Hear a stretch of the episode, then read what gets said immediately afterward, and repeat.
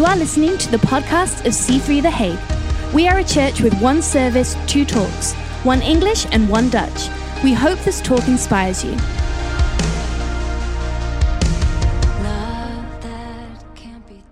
Let me just read this scripture. It's a pretty long one, uh, but it's Acts 1, verse 1 to 11. It's on the screen behind me. And, and it's interesting because this is Luke, you know, the Gospel of Luke.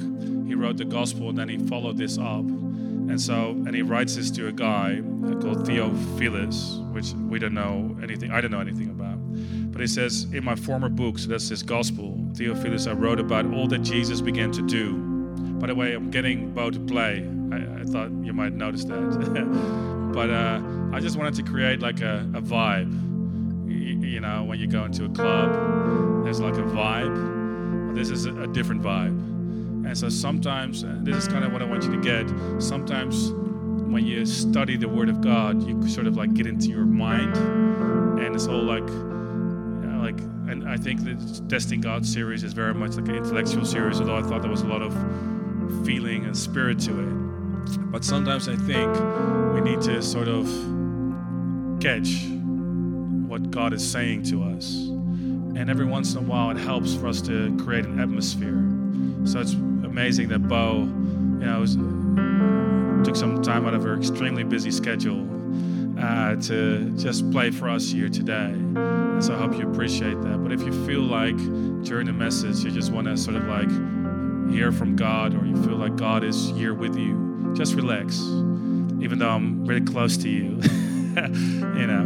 Um, and so and I think it's important to mention that. But anyway, let me just finish the scripture because otherwise I'm not going to get anywhere.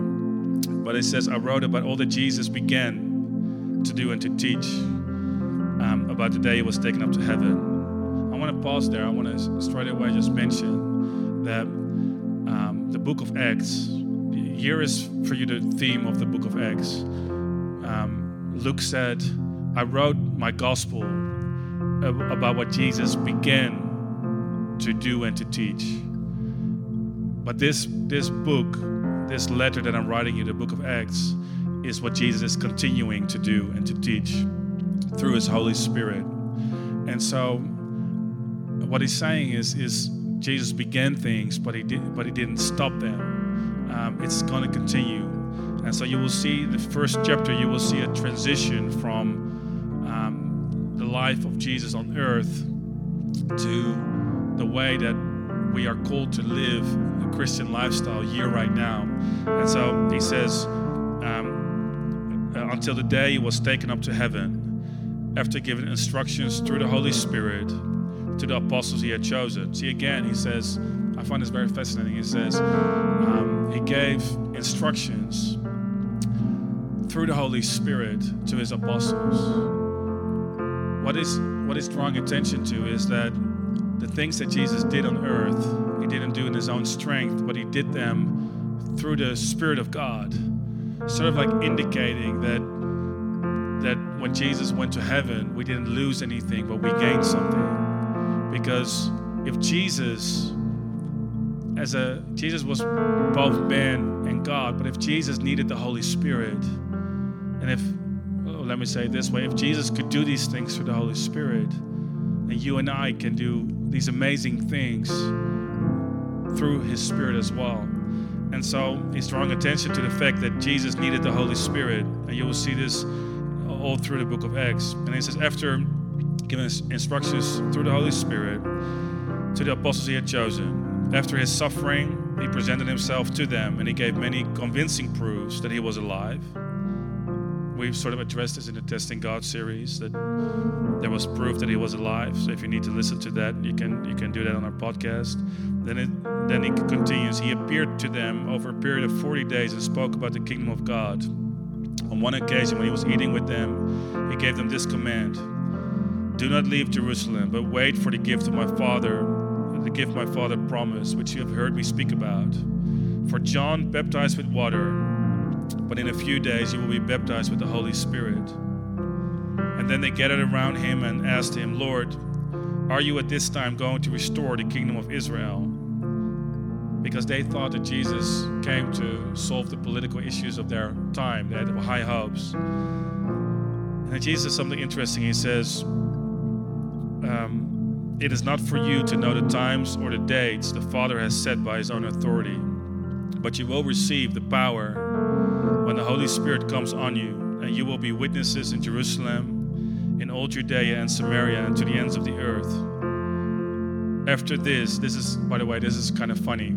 After this, after he said this, he was taken up before their very eyes, and a cloud hid them from their sight. I'm going to take a, a, a, an important pause here to sort of acknowledge that this might feel a little far fetched to some people.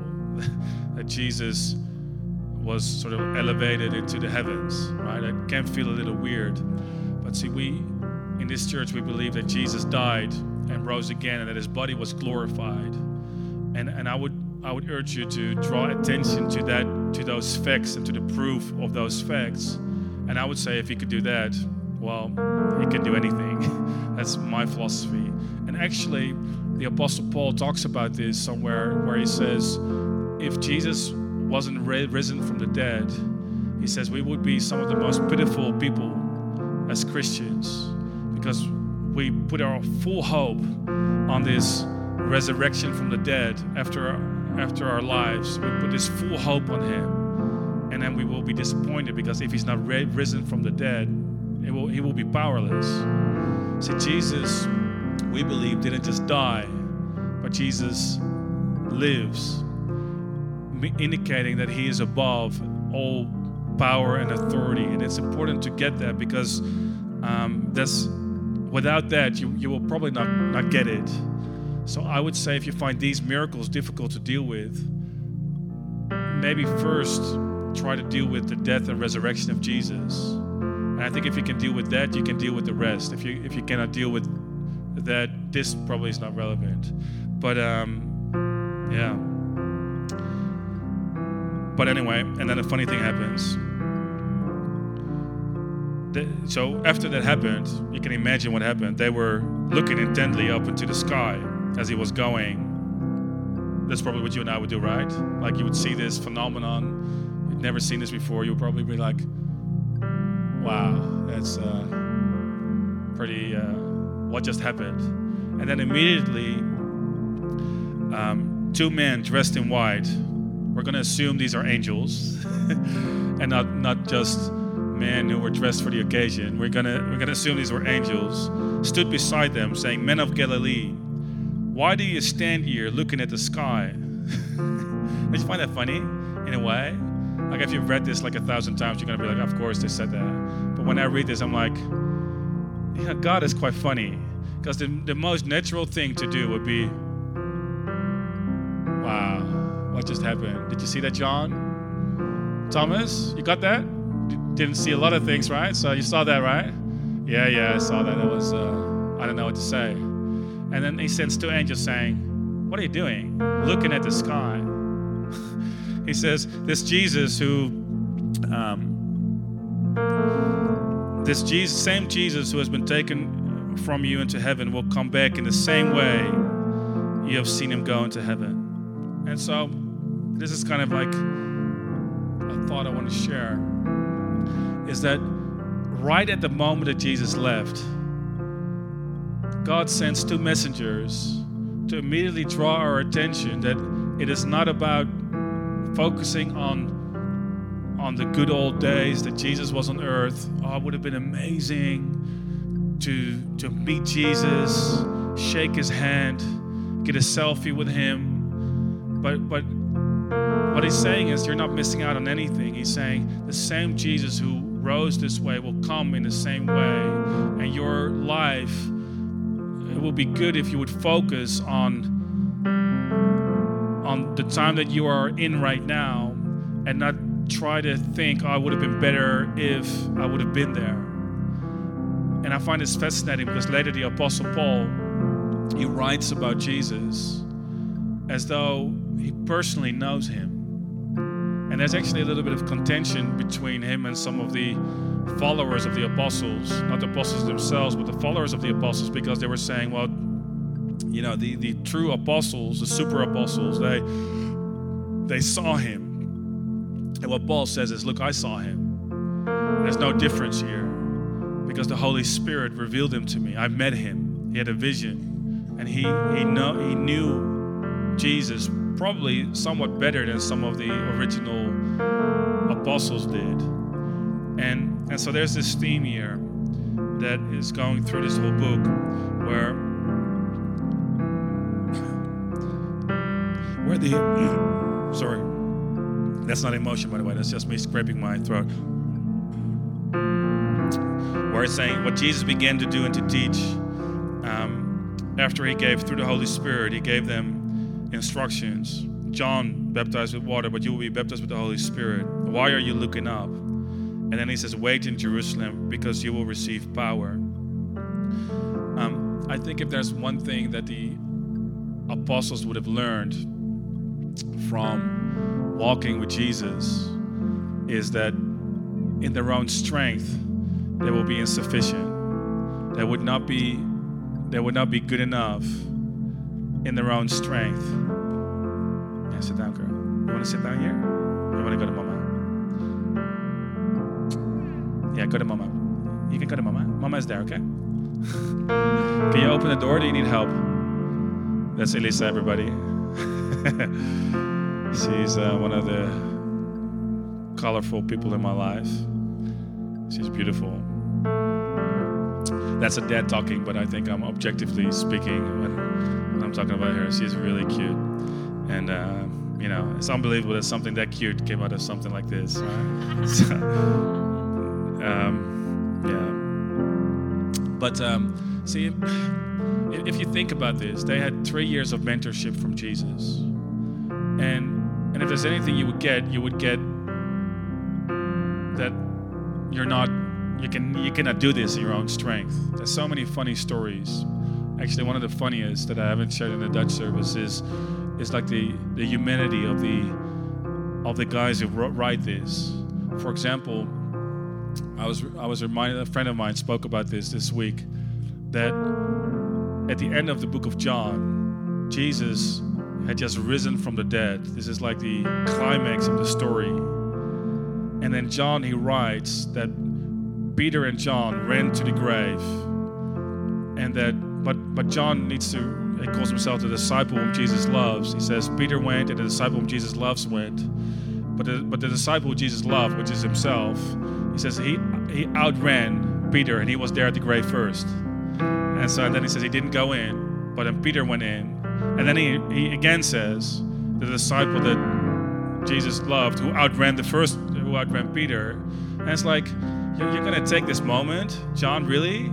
Like, this is like the, the, the, the, the climax of the story. And you're going to take this moment to tell them, I'm faster than Peter. Like, it's kind of ridiculous. And then at the end of the book, this is what my friend said as well. It's super funny.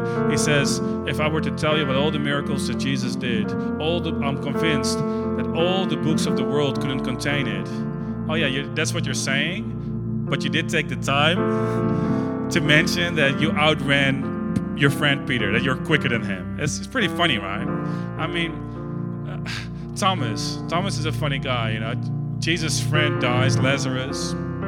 Jesus waits four days in the place that he was. Then he says, Let's go, because Lazarus is not dead, he's sleeping.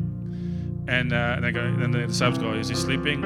What's going on? And, they, and then he goes, You know what? He's dead. You know, but we're going to go there. And then Thomas, he says, You know, why don't we just go with him to die with him? Because they thought, you know, people are going to be so angry at Jesus right now that they're going to stone him and us too. I mean, it's nice of Thomas that he was willing to die with Jesus. I mean, it's better than Peter did. you know, Peter denied Jesus at the pinnacle of of the story, the moment of crucifixion. He goes, "I don't belong to this guy." Yeah, okay, that was pretty pretty great.